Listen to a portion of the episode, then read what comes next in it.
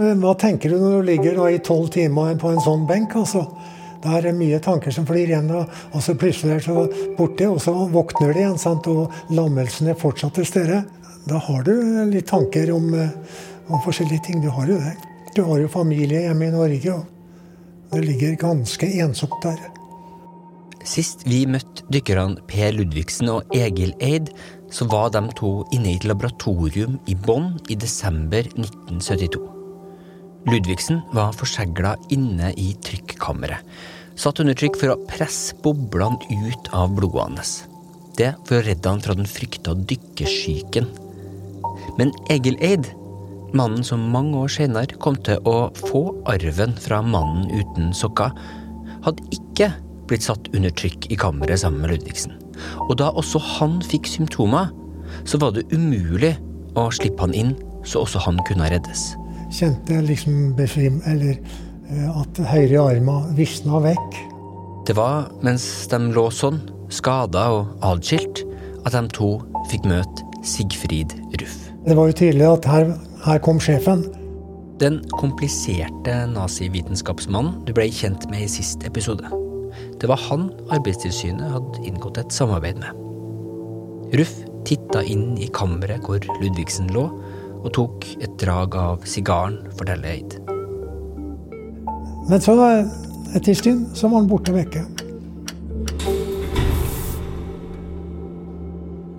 Etter 48 timer inne i kapselen så slapp Per Ludvigsen ut, etter at Sigfrid Ruff sine ansatte utenfor hadde laga en adhoc dykkertabell de kunne følge for å bringe han til overflata igjen. Og jeg kom meg til overflaten da ca. to døgn senere. Egil Eid på utsida av kammeret fikk noen sprøyter som etter hvert virka å døyve symptomene. Kanskje, tenkte han, hadde han sluppet unna med skrekken. Når vi var ferdig med den der eh, tiden oppe på instituttet, så, så tok vi jo T-banen tilbake. Og jeg husker jo der, jeg hadde jo to tilfeller, uten at jeg sa det til Per, da, at jeg svima av på den T-banen ned til hotellet, eller pensjonatet. Men det var, var sånn korte glimt, og sånt, men det var der i kroppen uansett. Altså. Det var det.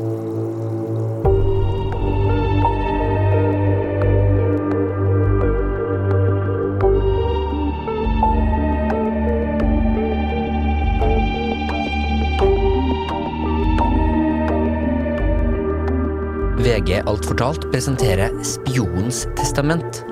En podkastdokumentar i fire deler om en nazilege, en hemmelig agent og to menn som ble offer i kampen om å nå bunnen av Nordsjøen.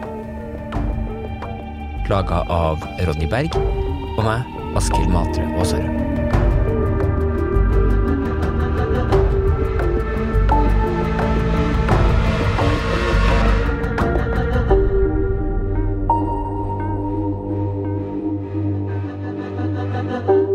Fjerde og siste episode Arven.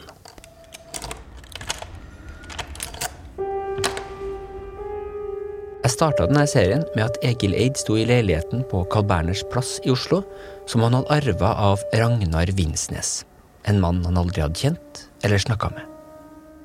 I denne siste episoden så skal vi samle trådene og prøve å endelig forstå arven motstandsmannen Vinsnes ga fra seg. At det kan ha gått han hus forbi, alt dette med Roff, det står ikke til troende. Nei, det er jeg absolutt helt sikker på at han ikke visste. Og vi skal følge kampen for Eid og Ludvigsen, som foregår den dag i dag. Jeg kommer i hvert fall til å fortsette å ta opp denne saken i Stortinget. Um, Jeg synes at her må staten rett og slett bare manne seg opp. Som vanlig foran et langrenn, det blir litt hektisk. Og i dag er det ikke helt enkelt å treffe riktig smurning. Et par varmegrader Hjem i sitt eget hus, kort tid etter at han hadde kommet tilbake fra Bonn i 1972, så merka Egil Eid at kroppen begynte å svikte. Faktisk lå på sofaen. Jeg var såpass skral at jeg lå på sofaen. Så på Sportsrevyen. Og der fikk jeg nå enorme sånne spaster. Jeg klarte faen ikke ligge i ro. vet du. Hele kroppen gikk. Og Det er nesten vanskelig å beskrive, men jeg klarte ikke holde en kaffekopp. Sant? Jeg husker ingenting av at pappa reiste til Tyskland. Jeg husker heller ikke at han kommer tilbake. Eh, det jeg husker, er at han plutselig en kveld ligger på sofaen og er veldig syk. Der er dattera til Egil Eid, Katrine Eid Paulsen. Hun var sju år gammel da faren kom hjem fra Bonn. Eh, veldig rart.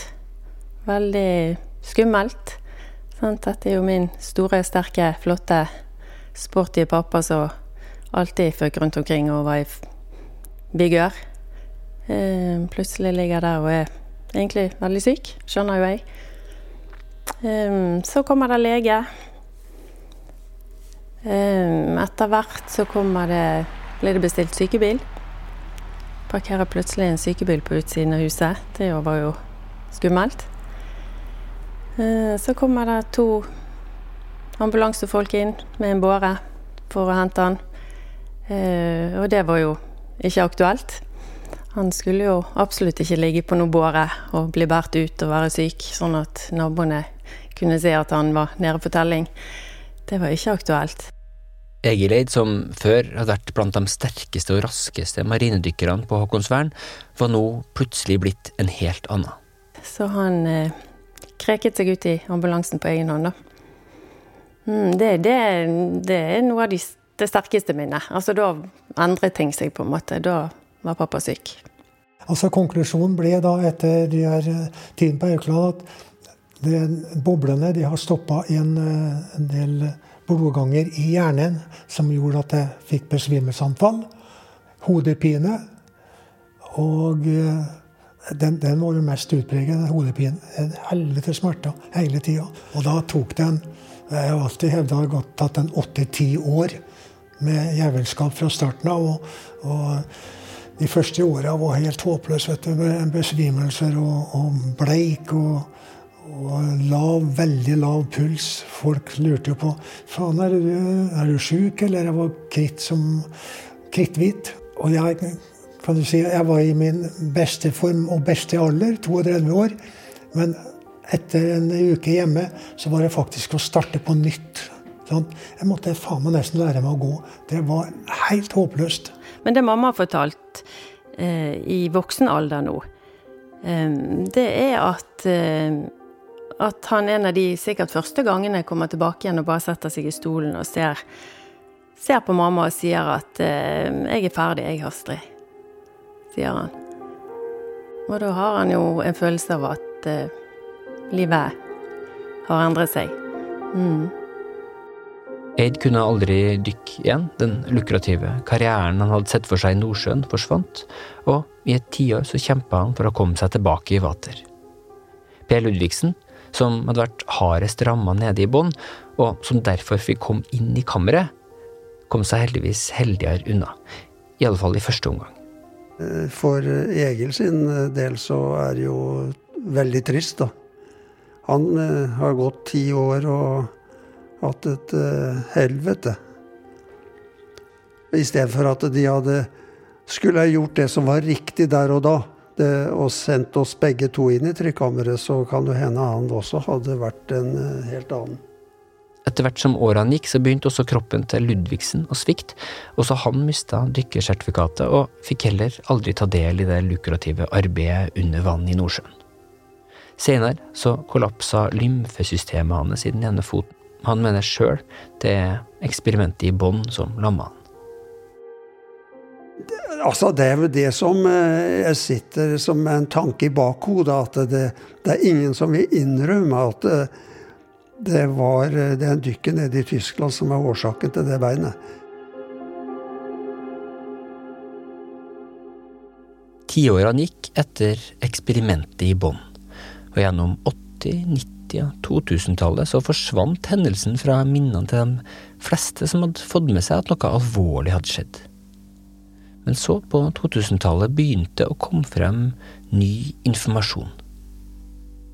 De siste årene så har Eid og Ludvigsen fått gratis rettshjelp fra denne mannen. Trykkforsøkene var helt avgjørende for at man skulle kunne starte dykking i Nordsjøen. Advokat Gorm Grammeltvedt. Eid og Ludvigsen var på den måten pionerer før pionerene i Nordsjøen. Grammeltvedt viser til et brev som er funnet, skrevet av Ruff til Ragnar Vinsnes i Arbeidstilsynet, en måned før dykkerne reiste nedover. I brevet så skriver Ruff blant annet at det under eksperimenter i kammeret i bånn tidligere hadde oppstått problemer, sverigheten som han skriver på tysk, når dykkere i kammeret ble satt under trykk tilsvarende 130 meter. Men at han nå mente å ha løst det problemet. Eh, det er eh, klart ut av de rapportene at det var eh, gjennomført for kort dekomprimering og med skade på forsøkspersonene. Og dette var en rapport som ble sendt Arbeidstilsynet i forkant av at Eid Ludvigsen ble sendt ned dit for forsøket. Så dette var kjent av Vinsnes og i Arbeidstilsynet. Hva betyr det egentlig? Hva har de visst da? De har visst at det pågikk eh, forsøk, og at det var veldig høy skaderisiko og forekomst av skader i forsøkene. Eh, og at dette var høyst eksperimentelt. Og dette ble jo ikke de informert om, Eid og Ludvigsen, før de ble sendt ned, hvilken risiko de løp ved å delta i forsøket. Så ifølge advokat Grammeltvedt så visste norske myndigheter det var farlig å sende folk til eksperimentet. Tross dette brevet så ble Eid og Ludvigsen sendt nedover av Arbeidstilsynet.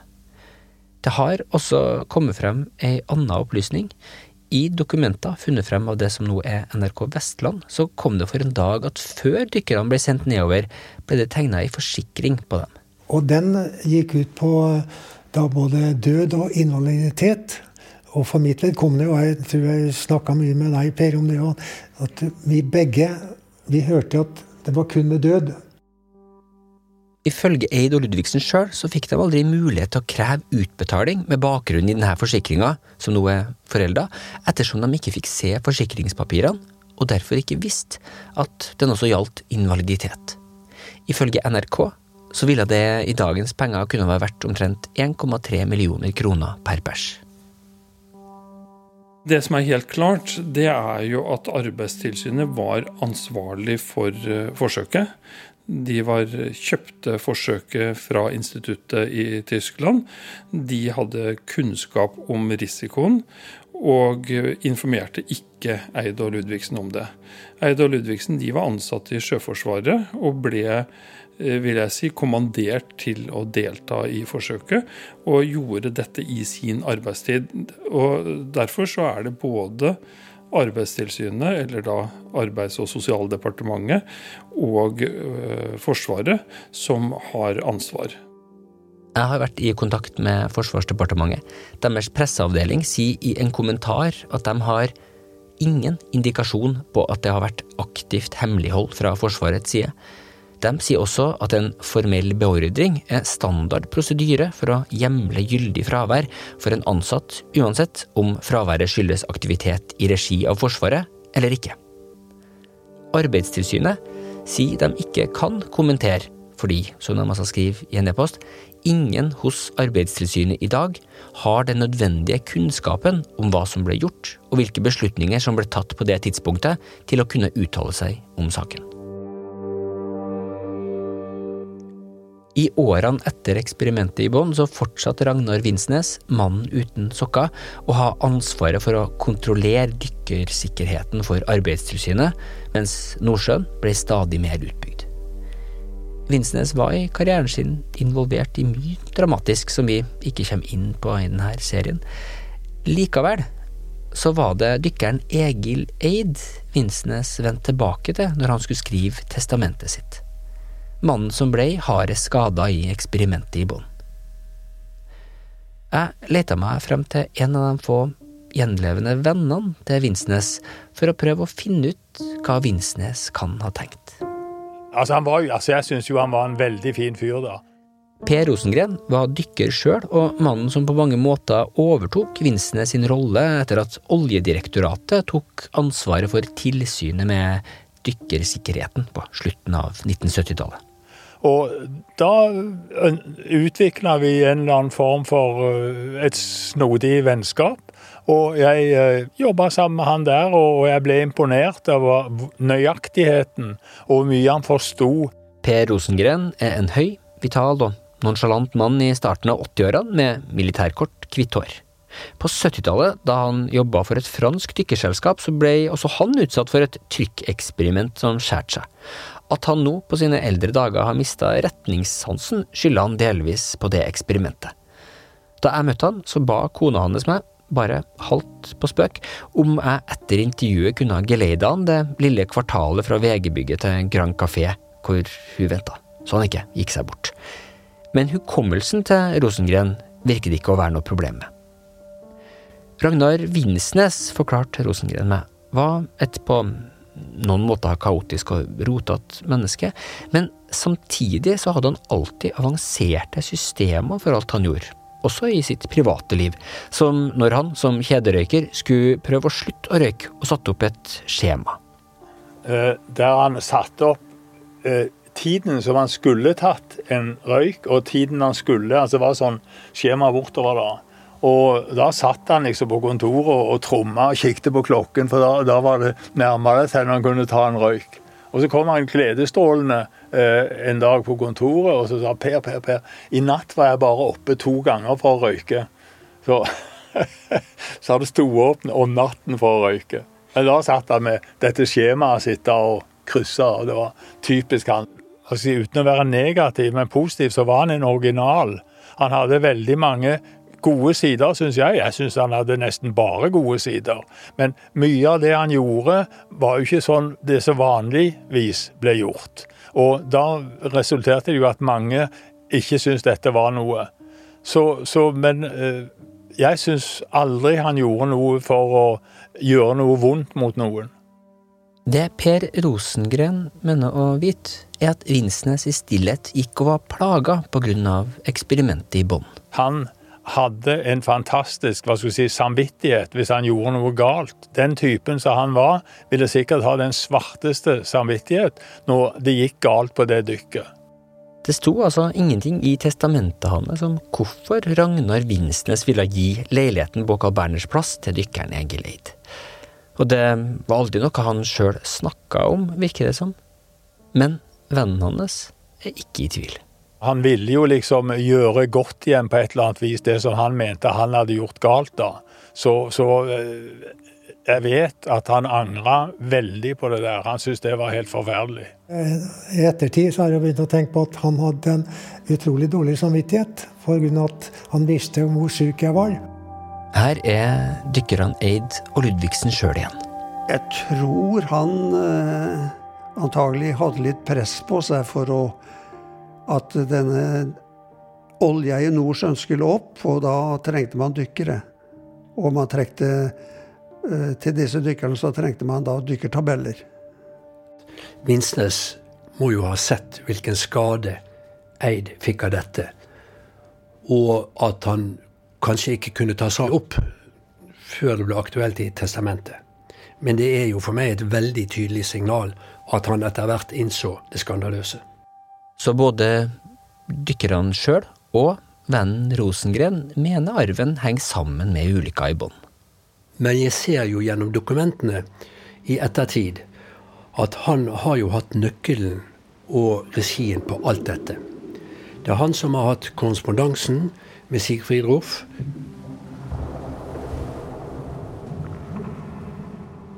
Og det er jo det som er den store ironien i denne historien. Under krigen så var Vinsnes en driftig spion som var med på å stagge de tyske forsøkene på å vinne krigen i lufta. Og så etter krigen så inngikk han et samarbeid med en mann som hadde jobba med akkurat de tingene som Vinsnes hadde prøvd å stoppe. Legen Iversen, som sjøl var vitne til eksperimentet i 72, og advokat Grammeltvedt, tror Vinsnes må ha visst om Ruff si fortid. I eh, ganske mange år før eh, dette dykkeforsøket, så var det stor oppmerksomhet rundt Ruff. Han var en kontroversiell person, både ved universitetet hvor han jobbet en periode, hvor han da måtte slutte, og også i forskermiljøet. Eh, ikke bare i Tyskland, men i i verden, eh, så ble det oppmerksomhet rundt Ruff. Og Vinsnes han var jo en fagperson innenfor dette området, så jeg mener jo at det er helt usannsynlig at han ikke kjente til forhistorien til Ruff. Grammeltvedt har bl.a. funnet frem til flere oppslag i norske aviser om Ruff fra slutten av 1960-tallet. Her legen Iversen. Um, at det kan ha gått han hus forbi. Alt dette med Ruff, det står ikke til troende. Per Rosengren, som altså kjent Vinsnes godt sjøl på slutten av 1970-tallet, han mener derimot at Vinsnes ikke kan ha visst noe om Ruff sin mørke bakgrunn. Nei, det er jeg absolutt helt sikker på at han ikke visste. For det med tyskerne og krigen og sånn, det sa han aldri direkte til meg. Men, men jeg satt igjen med det inntrykket at nazisme, det syntes han var noe fæle greier. Og det hadde han ingenting til overs for. Så han, hvis han hadde visst at dette her var en nazist og en tidligere hva skal jeg si, aktiv eh, nazist, så tror jeg aldri han hadde gjort noe sånt som han anbefalt.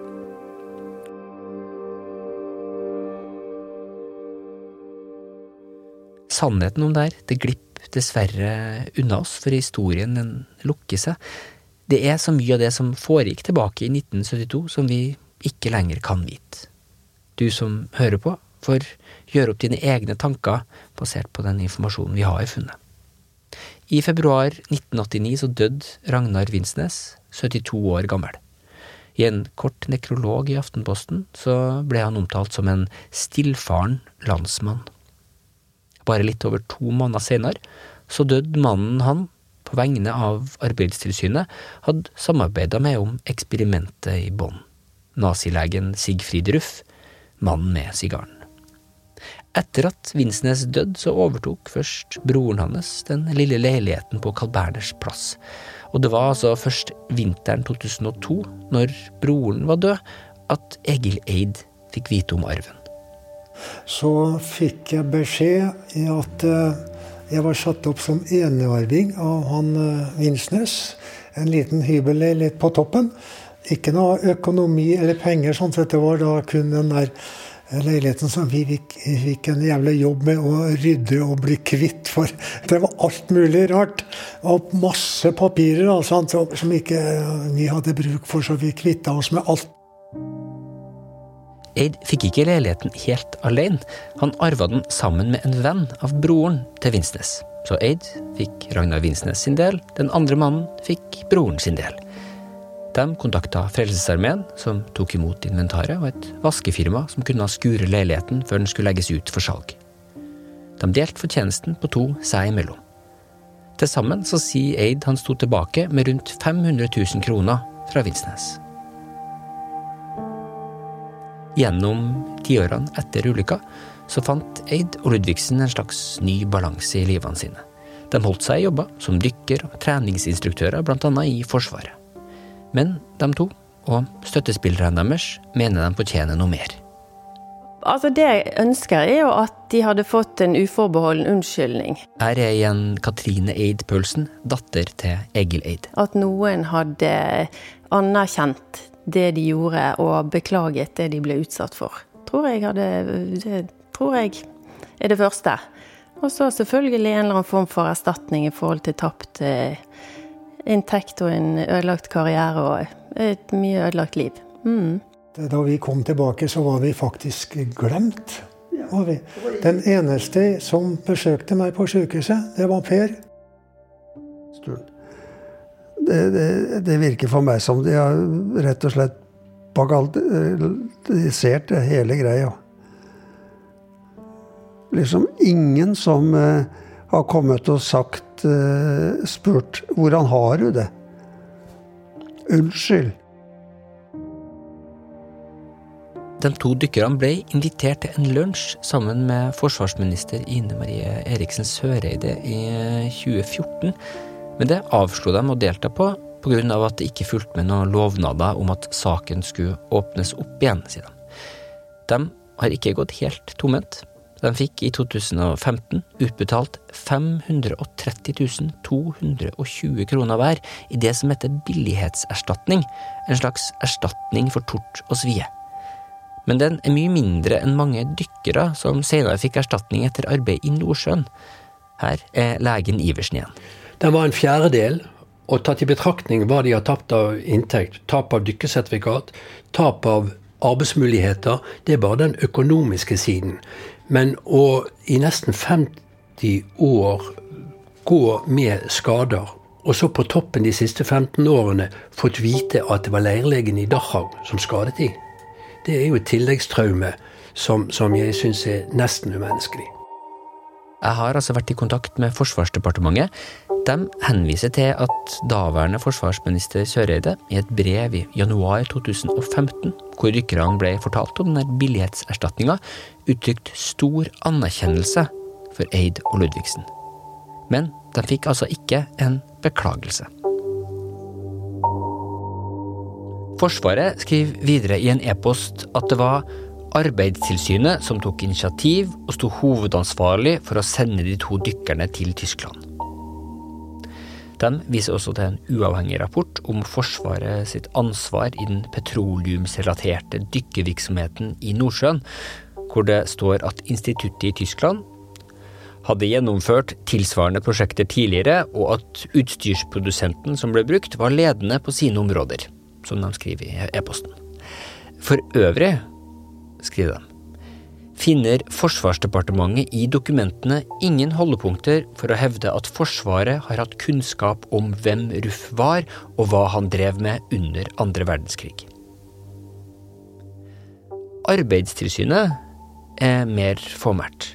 De skriver, som jeg tidligere har sitert dem fra, at dette er en både sterk og tragisk historie, men at Angående Arbeidstilsynets rolle i 1972 er det ingen hos Arbeidstilsynet i dag som har den nødvendige kunnskapen om hva som ble gjort, og hvilke beslutninger som ble tatt på det tidspunktet, til å kunne uttale seg om saken. De tilføyer at det de senere år har vært satset mye på dykking i Arbeidstilsynet. Saken til Eid og Ludvigsen lever fortsatt videre. Sommeren 2021 så stilte Gisle Menninger Saudland fra Frp i spørretimen spørsmål til daværende arbeidsminister Torbjørn Røe Isaksen om hvordan han ville gjenopprette den urett som er gjort mot Eid og Ludvigsen. Isaksen svarte ved å peke på billighetserstatninga som de to har fått. Sødland er ikke ferdig med saken. Her er han på telefonen. Jeg kommer i hvert fall til å fortsette å ta opp denne saken i Stortinget. Ehm, jeg synes at her må staten rett og slett bare manne seg opp. Ehm, gjør det som rettferdighetssansen til de aller, aller fleste nordmenn eh, forlanger. Nemlig at de betaler et, et anstendig erstatningsbeløp og sier unnskyld til disse to marinedykkerne.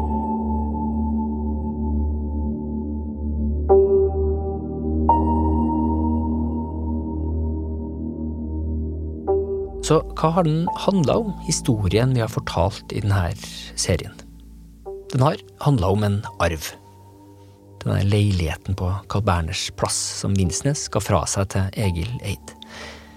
Men den har også handla om en arv på et høyere nivå, etter de to kompliserte mennene i sentrum av denne fortellinga, Ragnar Vinsnes og Sigfrid Ruff.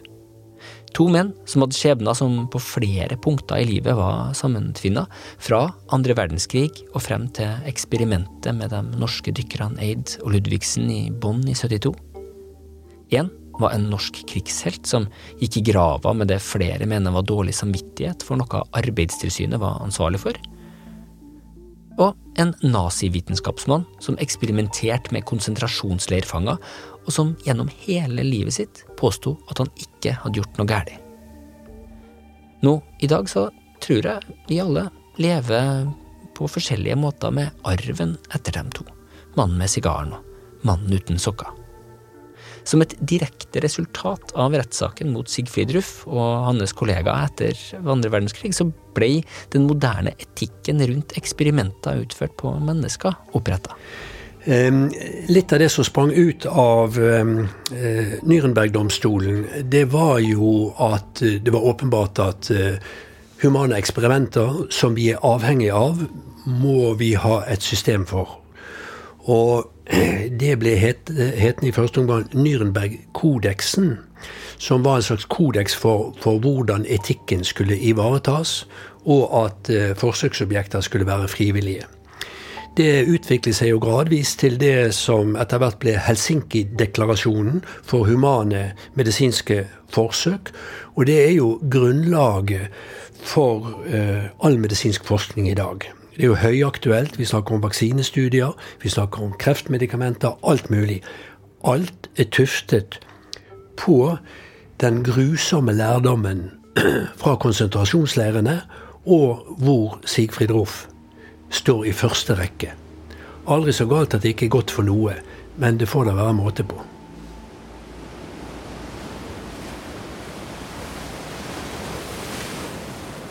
Og så er det arven etter Vinsnes, ved siden av den lille leiligheten på Carl Berners plass i Oslo. På grunn av eksperimenter som de Vinsnes og hans generasjon av vitenskapsmenn og byråkrater var med på å organisere helt på starten av petroleumsalderen, så lever vi i Norge i dag med den storstilte utbygginga av olje- og gassinstallasjoner djupt, djupt ned i Nordsjøen.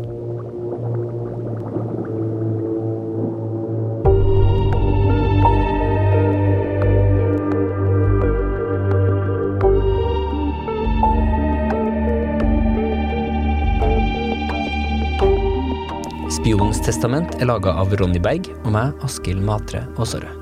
Musikken er spesialkomponert til serien av huskomponisten vår, Ronny Furuvik. Foto til tekstsakene er tatt av Gisle Odstad. Trailervideoen er redigert av Christian Torkelsen. Og nyhetssjef for Alt fortalt er Maria Mikkelsen. Vil du lære mer om historien til nordsjødykkerne, så anbefaler jeg som sagt boka som heter Nordsjødykkerne av Kristin Øye Gjerde og Helge Ryggvik.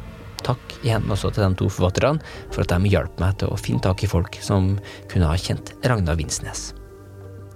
Vil du lese mer om kampen til dykkerne Egeleit og Per Ludvigsen, så har altså blant andre NRK Vestland, Vi Menn og Stavanger Aftenblad laga god journalistikk på det, som jeg anbefaler at du tar en titt på. Lydarbeidet til denne serien har jeg gjort med hjelp fra lydbiblioteket Soundly. Ansvarlig redaktør for VG er Gard Steiro.